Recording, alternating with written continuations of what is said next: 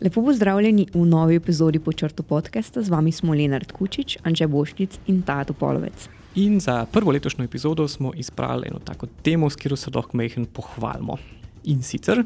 Točno tako, izbrali smo temo, kjer se je zgodila občutna sprememba na bolje na podlagi našega poročanja. In sicer uh, gre se za policijsko hranjenje DNK profilov osumljencev. Samo čisto na kratko, lani spomladi smo poročali o primeru posilstva, kjer je policija na podlagi svoje baze DNK profilov identificirala osumljenca potem pa postopek na sodišču padel, zato ker so ugotovili, da policija ni imela v svojih bazah dokumentacije, zakaj je temu osumljencu že leta 2001 odzela DNK vzorc. Torej je sodišče ta dokaz razglasilo za nezakonito in osumljenec je bil oproščen. Na podlagi našega poročanja je potem policija uvedla notranji nadzor nacionalnega forenzičnega laboratorija. Kaj točno se je zgodilo?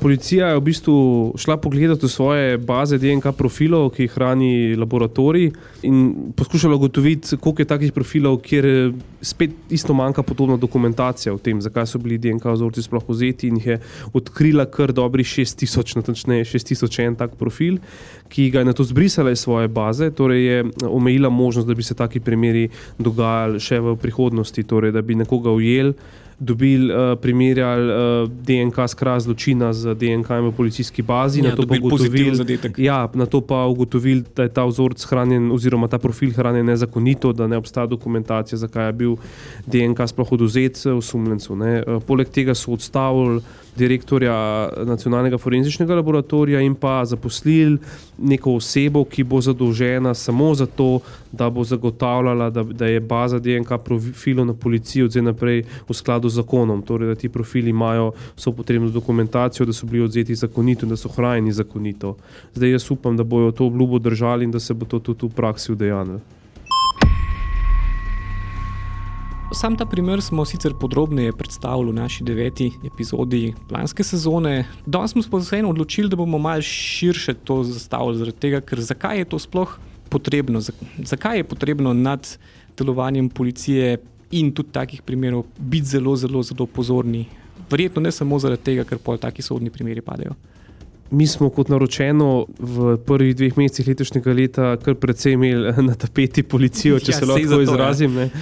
Objavili smo tri, uh, v bistvu uh, še dve drugi zgodbi v zvezi z preiskovanjem suma jedrske proliferacije prek računov banke NLB in pa razkrili smo ugotovitve nadzora nad nacionalnim preiskovalnim uradom, torej te preeminentne inštitucije policije, Elitne. ki ne bi bila zadolžena za preiskovanje najhujših kaznjivih dejanj. In v bistvu, ja, zdaj vprašanje je seveda, zakaj se mi tako zelo ukvarjamo z uh, policijo, zakaj je potrebno nadzorovati. Praktično vsaka policija na svetu bi lahko rekla, da dela tukaj dve napake, ki jih lahko razdelimo v dve različni področji. Ena je to, da svojega dela preprosto ne upravi dovolj dobro. Mhm. Pomeni, da neke kejse, sume kaznjivih dejanj ne preišče dovolj dobro, ne nameni temu dovolj pozornosti. Ali pa da preveč traje, recimo, tudi ja, to, kar se tiče tega. -huh. V bistvu to je tudi posledica, lahko, ne, da se take preiskave vlečejo v nedogled. In s tem nekako, kot smo rekli prej, ne, ne izpolni javnega interesa de, policijskega dela, tisto, kar od nje javnost pričakuje. Torej, da bo sankcionirala kriminalna dejanja, s tem, ko najde kriminalce, napišejo vadbo, ne, in pa po drugi strani, da bo tudi delovala preventivno. Ne, ker s tem, ko če nekdo vidi, da je policija uspešna pri svojem delu, ima tudi manjši interes, da bi, ja, od... da, ja, da bi pač se vključil v neka kriminalna dejanja. Uh mhm. -huh. Druga, ta velika sfera spornega delovanja policije, pa to preseganje pooblastil, ne? kot je bil recimo tudi primer tega DNK na nek način, ne? ko policija za zasledovanje tega cilja, izpolnitev javnega interesa in sleditev kriminalcev, ne? uporablja nezakonite metode. Ne? Tukaj so pa to lahko DNK profili, ki so nezakonito pridobljeni ali hranjeni, tukaj je lahko uh, udiranje v zasebno komunikacijo državljanov, kot ga poznamo iz primera Ornik. Uh -huh, uh, tukaj je lahko nezakonito pridobivanje IP naslovov, komentatorjev spletnih strani, ja, o katerih smo že poročali. Ne? Celo malo more primerov smo že imeli na počrtu tudi z tega. Ne?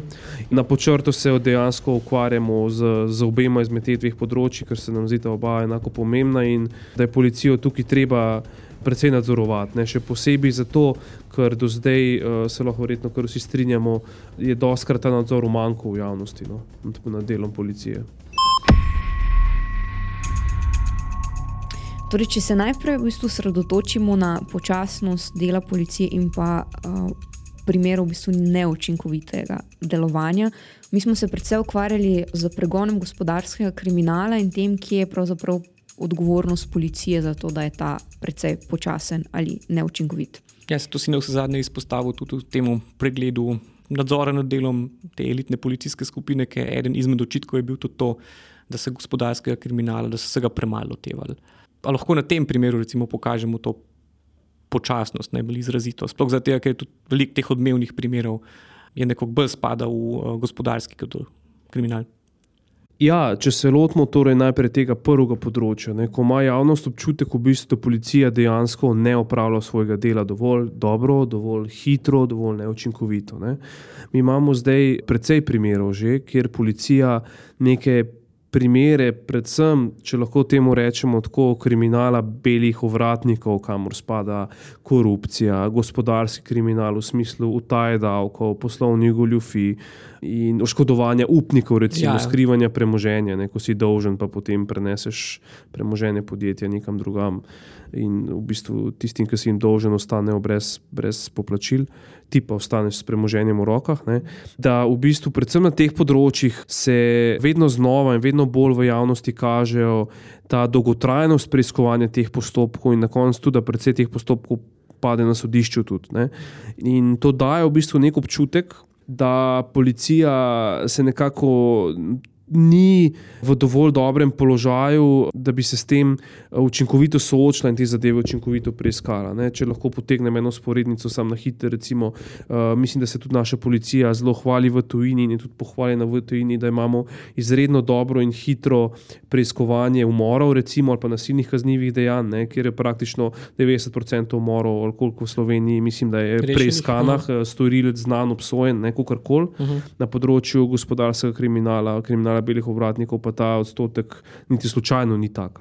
Seveda, to ni slovenski unikum, tudi recimo v tujini ne, je to uh, vedo, da je pač to preiskovanje eh, kriminala belih obratnikov zelo težko. Ne.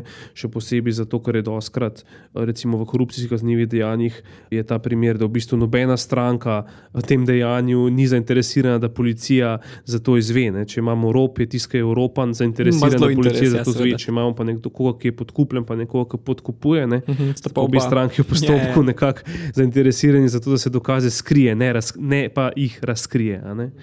In v bistvu te zgodbe, s katerimi smo se mi ukvarjali letos, ne, primer nadzor nad NPU in pa ta tako imenovana zadeva Farok, nekako uh, deloma uh, odstirata ta tančico ne, in kažeta v bistvu, kaj je v policiji narobe, da se s takimi primeri ni sposobna dovolj dobro soočati. Ta dva primera sta zgovorna, ampak sta mečken različna. Recimo nadzor nad delovanjem te elitne.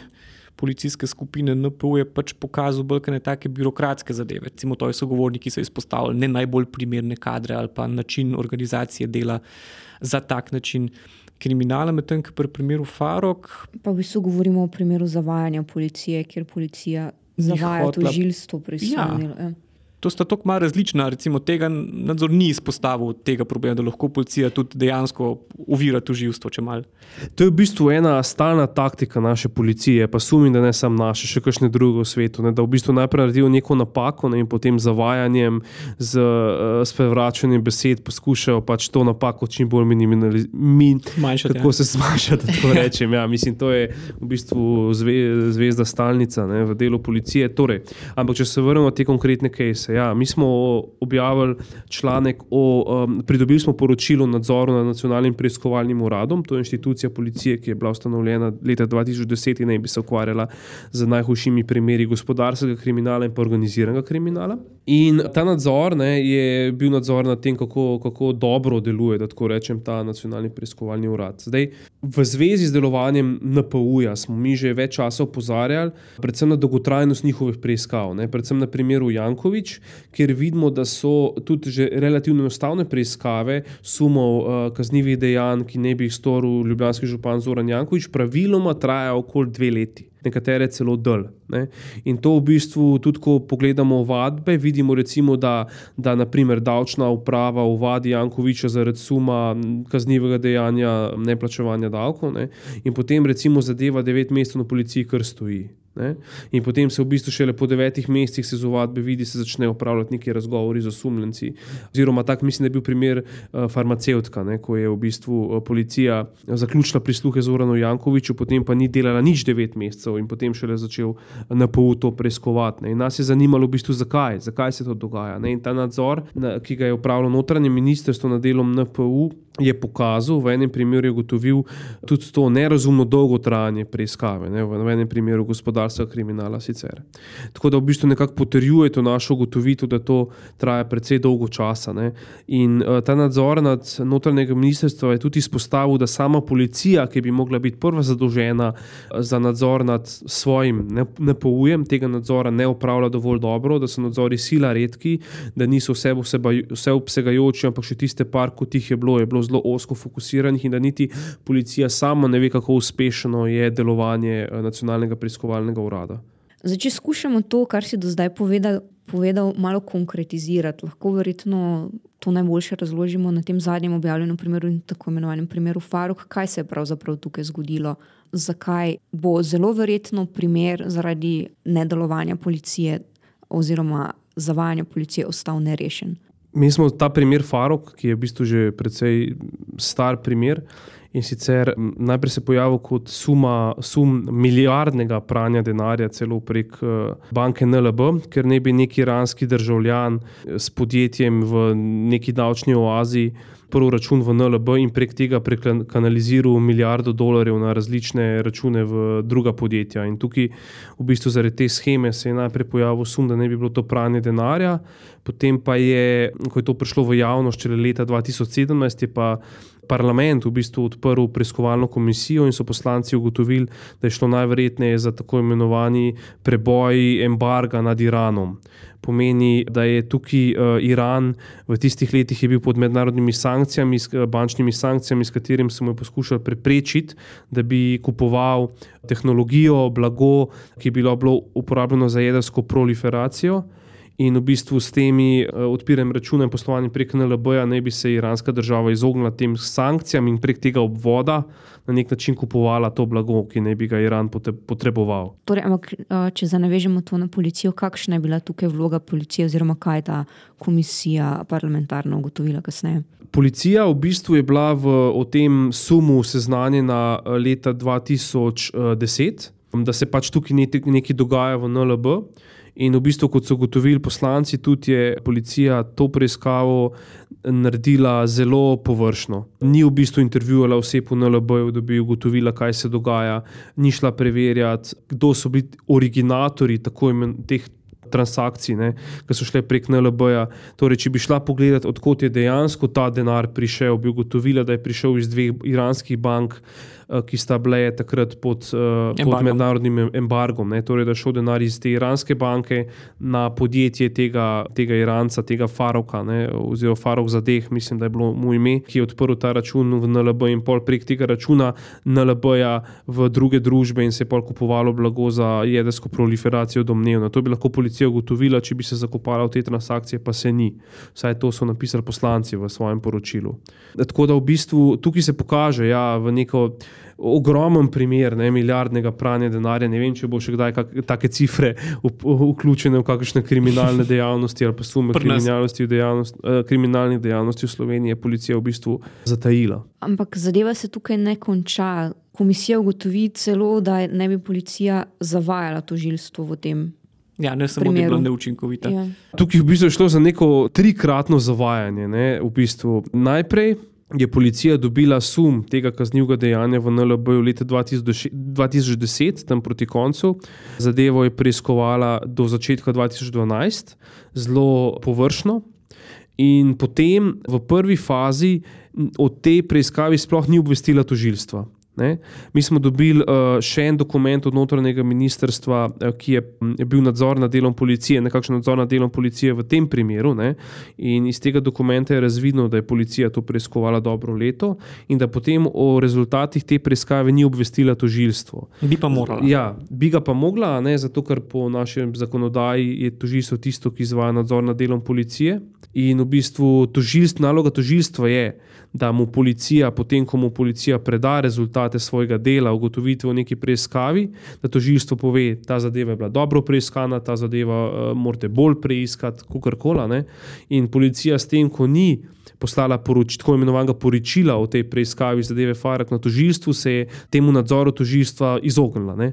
ker tožilstvo za to zadevo sploh ni vedelo, ni vedelo, da policija to preiskuje. Pa bi mogla ne poslati.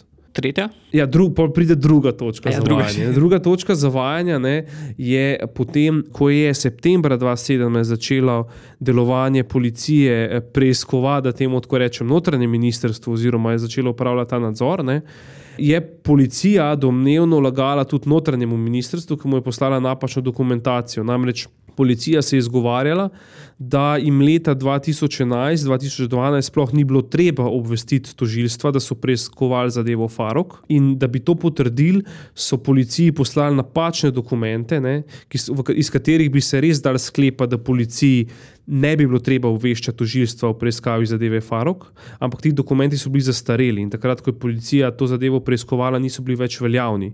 In takrat veljavna zakonodaja in notranji pravilniki policije so policiji nalagali obveščanje tožilstva. Uh -huh. Zato je tukaj so uh, ugotovili v bistvu nadzorovalci v notranjem ministrstvu, da gre tudi za sum zavajanja. Preiskovalcev, ne, ste, da je policija zavajala tudi preiskovalce notranjega ministrstva. Tretja se je pa zgodila, potem ko je že bilo to poročilo tudi notranjega ministrstva narejeno in tudi predano policiji, so pa eh, nekateri vodilni v policiji, ko so bili vključeni v zadevo Farok, poslancem eh, v parlamentu zagotavljali, da je, da, da je bila ta zadeva Farok na policiji preiskana na več ravneh, da je bila preiskana temeljito in ne vem kako dobro še. In so v bistvu še potem v, v državnem zboru trdili, da, pač, da so delali po svojih najboljših močeh in z z največjim možnim melanom, ali kako bi temu rekel. Pa ni bilo čistko. Ja, ne, ker mogoče mogoč tle dobro tudi omeniti, kaj so zdaj posledice tega, tega pač slabega dela policije. Ne. Potem, ko je to prišlo v javnost leta 2017, ta primer Farok, ne, uh -huh, prišlo, je, ja, prišlo je v javnost zato, ker je, ker je ena druga parlamentarna komisija preiskovala bančno luknjo v Sloveniji in so pridobili uh -huh. dokumentacijo in v njej tudi skočil ta primer. Ne. Takrat je potem specializirano državno tožilstvo naredilo posebno preiskovalno skupino, da se ta zadeva še enkrat temeljito preišče. Mislim, da so do zdaj, da so nam poslali tudi podatek z policije, da so zaslišali že vem, 30 ali 50 prič. Uh -huh. Ampak glavna težava je v tem, da se je to dogajalo med letom 2008 in letom 2010. Ja, ja. Ta zadeva se je zdaj začela temeljito preiskovati leta 2017. Ne? Bog ve, kje so ti dokumenti, kje so ljudje, ki so pri tem kaj vedeli. V sedmih letih ljudje zelo veliko pozabijo. Ta poslanci so ugotovili tudi, da če bi začela policija zadevo preiskovati že 2010, bi lahko tudi govorili s tem Farok za dekom, ker je takrat bil v Ljubljani, bi ga lahko prevedli na policijo, zaslišal, zdaj ga ne morejo več, ker seveda gospod mislim, da Slovenijo ne bo več pršil, ne? to lahko predvidevamo. In tukaj spol nastaja ta škoda. Ne? Nedelovanje policije, da je zdaj zelo vprašljivo, koliko delač lahko ta primer sploh še pripeljejo.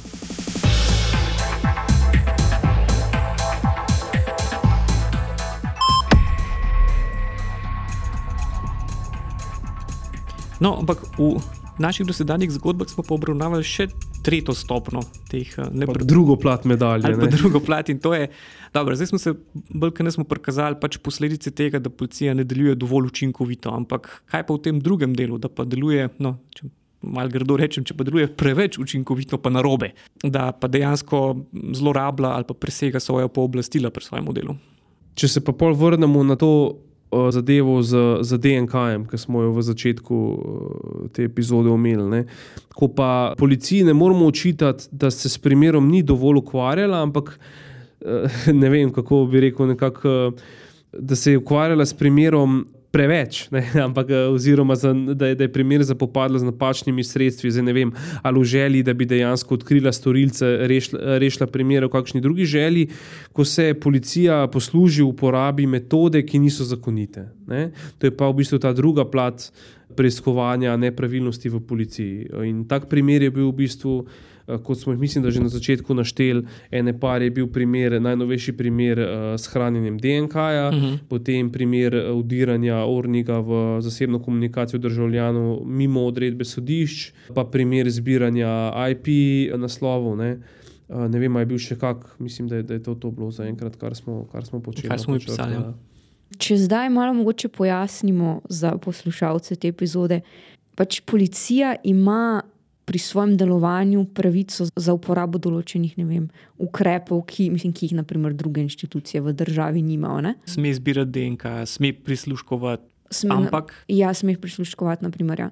Ampak eh, s čimer se mi ukvarjamo, je, da je to izvedeno zakonito.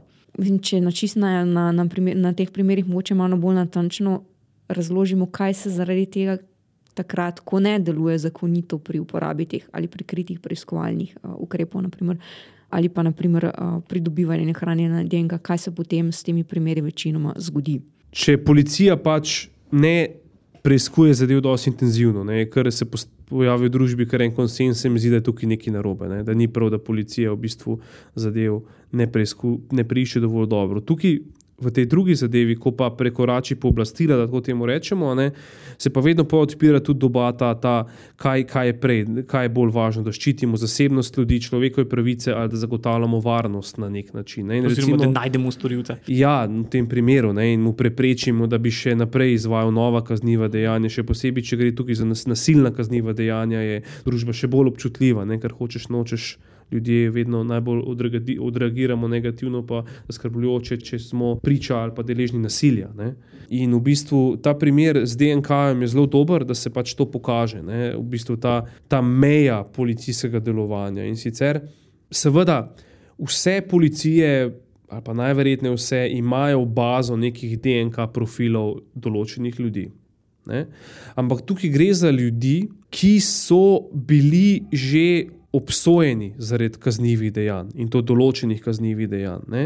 In nekako konsens je, da je prav, da policija take DNK-je tudi hrani. Recimo, če si ti nekoga posilil ali pa ne vem, na koga napadel fizično ne? in si bil zaradi tega obsojen, obstaja dosti velika verjetnost, ne? večja verjetnost kot pa. V primeru, ki še ni ja. bil kaznovan, ne, uh mhm. -huh. da boš to dejanje ponovil. In v tem primeru obstaja družbeni konsens, da je smiselno in prav, in ni prevelik poseg v človekovo pravico tega, mislim, tega posameznika, če se mu oduzame njegov DNK in ga tudi določeno obdobje hrani v policijskih bazah. Ampak tukaj, biti, tukaj sta dve ločni, dve pomembni zadevi. Da mora biti človek zaradi tega dejansko obsojen, torej spoznan za krivega in pa da mora iti za, deja, za kazniva dejanja, kjer je ta DNK dokaz relevanten. Ne? Če gre tu za kaznivo dejanje korupcije, kako si lahko policija z DNK-jem pomaga, bolj težko. Ne? Če gre pa za neka nasilna kazniva dejanja, ker ti dejansko pustiš svoj DNK kot storilec, je pa smiselno, da se pač ta DNK neko določeno obdobje tudi. Hrani, predvsem zaradi tega recidivizma, kot se temu reče, da v bistvu ponavljanja kaznjivih dejanj, da hočeš nočeš nekdo, ki je enkrat storil neko kaznivo dejanje, obstaja veliko večja verjetnost, da ga bo spet kot pa nekdo, ki tega ni storil nikoli. Ne? Oziroma, če damo tak čist hipotetičen primer, recimo, vem, te, ki jih zelo zaslišujejo zaradi faroka, jim ne morejo vzeti DNK-ja preventivno in pol čez deset let se pa slučajno eno od teh zaplete v eno drugo kaznivo dejanje in ga pa pol zaradi tega vzorca DNK -ja uspešno najdemo. Pač ja, to načeloma ni v redu. Ni, ja, ni v redu. Ne? In tudi v bistvu zdaj vprašanje, zakaj ni v redu. Seveda super je, ne? recimo, zmislite, da ste vi žrtev posilstva ali pa brutalnega ropa, kjer vas nekdo pretepe. Ne? In potem v bistvu policija gre v svojo bazo in dejansko odkrije storilce in reče: Ja, pogledajte, ta je bil, mislim, to je super. Ne? Seveda, do, dobili so ga, ja, in, in tudi, ampak zdaj in pol je težko v bistvu reči nekomu, ok, ampak ta dokaz je bil odzet nezakonito, se oproščamo, mogli bomo opustiti pregon proti osebi, ki vam je nekaj hudega storila. Ne? In, zdaj, in, in v tem primeru, o katerem govorimo, v tem primeru posilstva iz našega razkritja on o nelegalnem hranjenju DNK profilu se dejansko zgodi to, pač, da storilec, od, mislim, potencijalni storilec odkoraka zaradi tega dobesedno. Tudi naši bralci so v več komentarjih nekako dali jasno vedeti, da je to narobe. To pa zato, ker vidimo v bistvu samo to plat medalje, ne vidimo pa ja, pač sej. druge strani, ne, kaj se zgodi. Ne, recimo, mi bi lahko rekli, pač pripeljali stvar do absurda in rekli, tako kot včasih, ko si v Jugoslaviji, ko si hotel dobiti osebno, si mogel pustiti še prstne vtise, da bi ti zdaj še kar DNK vzel, pa še kaj, ne? pa še mrežnico bi ti poskenirali ne? in bi potem fajn vse zločine rešili, tiska ni storil nič narobe, se itak nima česa bati in te argumenti, ne? ampak to ni, to ni čist res. Ja, ta tendenca se krepi po svetu, tako ja, da se ideje se pojavljajo. Se pojavljajo, ne? ponekod tudi udejanjajo, se mi zdi, ampak recimo, da temu rečem demokrat demokratičnem zahodnem svetu, kako koli, so te ideje zelo nevarne. Ne. To pa zato, kot smo mislim, že, upis, že v preteklosti opisali, zaradi več stvari. Ne. Če ti vsak, recimo čisto konkretno, ne, če ti vsemu vzameš DNK. Ne, Povečaš možnost, da se bo s tem tudi tako imenovane storilce, ki niso storilci, identificirali. Recimo, imeli smo en primer, ki smo ga že opisali v tujini, ko so zaradi suma umora zaprli enega brezdomca, ker se je njegov DNK profil znašel na kraju zločina. Pa so pogotovili, da je bil ta brezdomec v času, pač, ki naj bi se ta umor storil v bolnišnici. Zdaj, če bi ta brezdomec bil nekje drugje, ne bi imel Libija, bi ga, po mojem, kratko malo zaprl. Ne? Težava se je zgodila v tem, zakaj se je njegov profil znašel na kraju zločina, njegov DNK v bistvu. Zato, ker je najprej prišel nekdo, nek bolničar v rešilcu po njega na ulico, ko se je ta človek slabo počutil, ga pelal v bolnico in potem zgleda z istimi rokavicami, tudi prijel žrtev umora in jo naložil v rešilca, ko so ga potem klicali pa na ta kraj zločina ja. in tako preno, prenesel ta DNK tega. Tako da DNK tudi ni vedno 100% dokaz. In zdaj, če imaš ti DNK do vseh, se verjetno, da se bo te napake dogajale in da bomo zapirali nedolžne. Ne? Predvsem poveča. Poveča se predvsem v primeru nižjih slojev, če smo lahko čisto odkriti. Nekoga, ki si ne more najeti dobrega odvetnika, ki bi pregledal vse dokaze, ki bi bil zelo pozoren na to. Ne? Ali pa v primeru ljudi, ki, so, ki imamo nek predsodek do njega, ja, brez domovce je bil, verjetno je hotel nekaj ukraditi, je udaril, je ubal, kakorkoli. In tudi, predvsem ti ljudje so najbolj. V nevarnosti se mi zdi. Pol, druga stvar pa je tako večja, da se tudi širi ta nadzor nad, nad populacijo, ne lahko s tem. Ne, če ima neka oblast eh, vse profile DNK-ja in so v bistvu shrajeni, in so potem demonstracije proti vladi na nekem trgu, kako koli, nekaj preprečuje uradnim organom, da po koncu te demonstracije malo ne poberejo DNK-ja, pa ugotovijo, kdo točno je tam bil. Ne. Kar se zdaj lahko sliši precej filmsko. Ne. Ampak mislim, da nam veliko primerov v svetu kaže, da to ni čisto. Ne morete razkriti snov nadalje, ne, kaj se vse lahko zgodi. Ne. Tako da, ja, v bistvu tukaj, tukaj je problem te debate, se meni osebno zdi, ker ti negativni učinki izločanja dokazov so zelo hitro vidni, žrtve so lahko upravičeno jezne. Ne. Ti negativni učinki preseganja pooblastil so pa mal zakriti, ampak so lahko veliko hujši. Ne. In zato v bistvu pri vsej tej debati je smiselno, da iščemo krivce tam, kjer krivci res so. Ne. To je v nezakonitem delovanju policije. Ne. Če ni bilo nekih papirjev, dokumentacije, ki bi dokazovali, da, da se nek profil DNK v policijski bazi nahaja zakonito, je to krivda policije, zakaj ni te dokumentacije pravilno arhivirala. Ne debata o tem, uh, zasebnost uh, proti varnosti. Ne.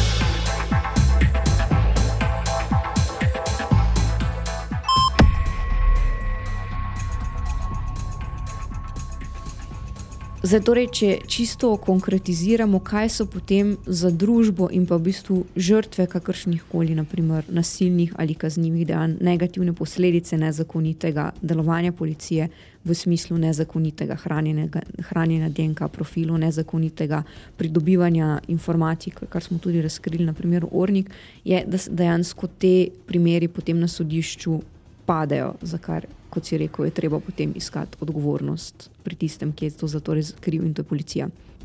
Če skušamo zdaj um, to, to, ta podcast končati spet z neko pozitivno noto, naprimer, ne, uh, kaj, ta, kaj, kaj bi lahko rekli za konec, da je pri našem delu, torej pri preiskovalnih zgodbah, ki se ukvarjajo z nadzorom delovanja policije, dejansko ta sprememba na bolje, ki jo zasledujemo.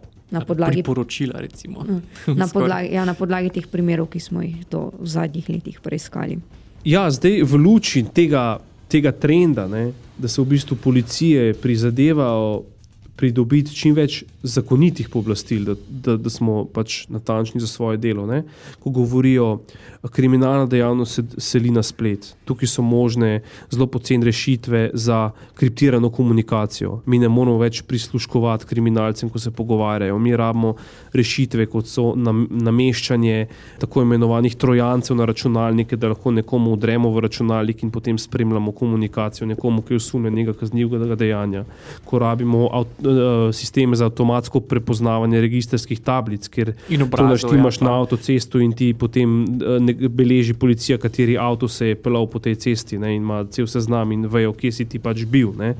Ko govorimo o tako imenovanih lovilcih IMSI, ki lahko pridobijo tvojo telefonsko številko, s tem, da ti policija s tem lovilcem nekaj časa sledi po Ljubljani ne, in uh, dobi tvojo telefonsko številko, da ti lahko potem prisluškuje. Ne. Če recimo nisi v imeniku, pa uporabljaš te tako imenovane burner phones, te predplačniške SIM kartice. Zaenkratno uporabljam. Uh, da tukaj policija ima neke dobre argumente, zakaj to rabi, ne, ampak skrb vzbujajoče je pa pol dejstvo, če potem policija ob napačni uporabi teh zadev in preseganju pooblastil, kot jih vidimo v primeru Ornik ali pa v primeru DNK, ne prevzame svoje odgovornosti. Ja, kar pa tudi vidimo. Ja, ker zdaj se to dogaja, ne, da v bistvu primer Ornik, policista naročata Orniku, komu ne udre v komunikacijo, posem mimo sodišč, kar je nezakonito. Ne, uh mhm. -huh. Potem se policija izgovarja, da, or, da ona dva, ta dva policista sploh nista vedela, da Ornik udira v komunikacijo. Ne. Čeprav je urnik v mailih policistom pisal, da je udaril v računalnik nekomu in v enem mailu, eh, elektronskem sporočilu, celo opisal, kako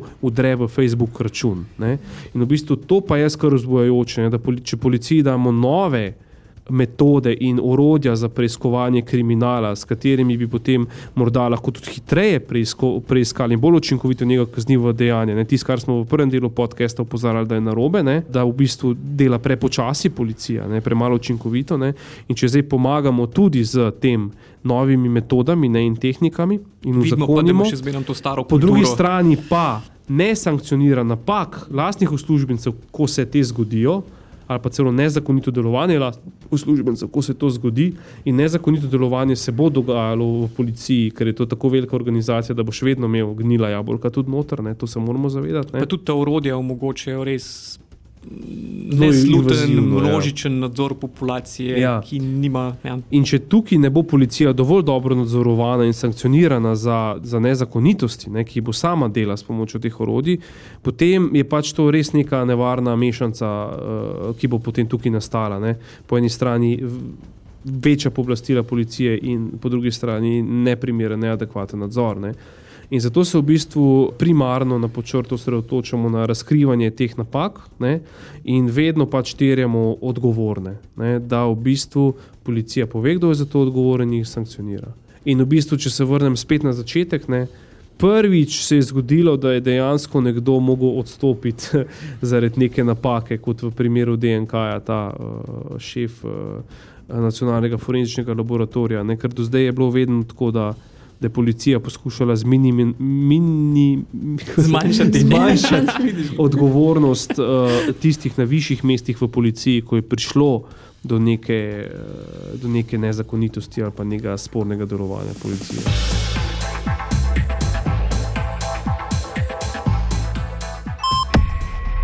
V tokratni epizodi podcasta smo bili z vami Anže Boščic, Leonard Kučič in Tato Polovec. Če želite prisluhniti našim prihodnjim epizodam, se ne pozabite naročiti na naš podcast, počrto podcast, pri svojem najljubšem odjemalcu podcastov. Thank you.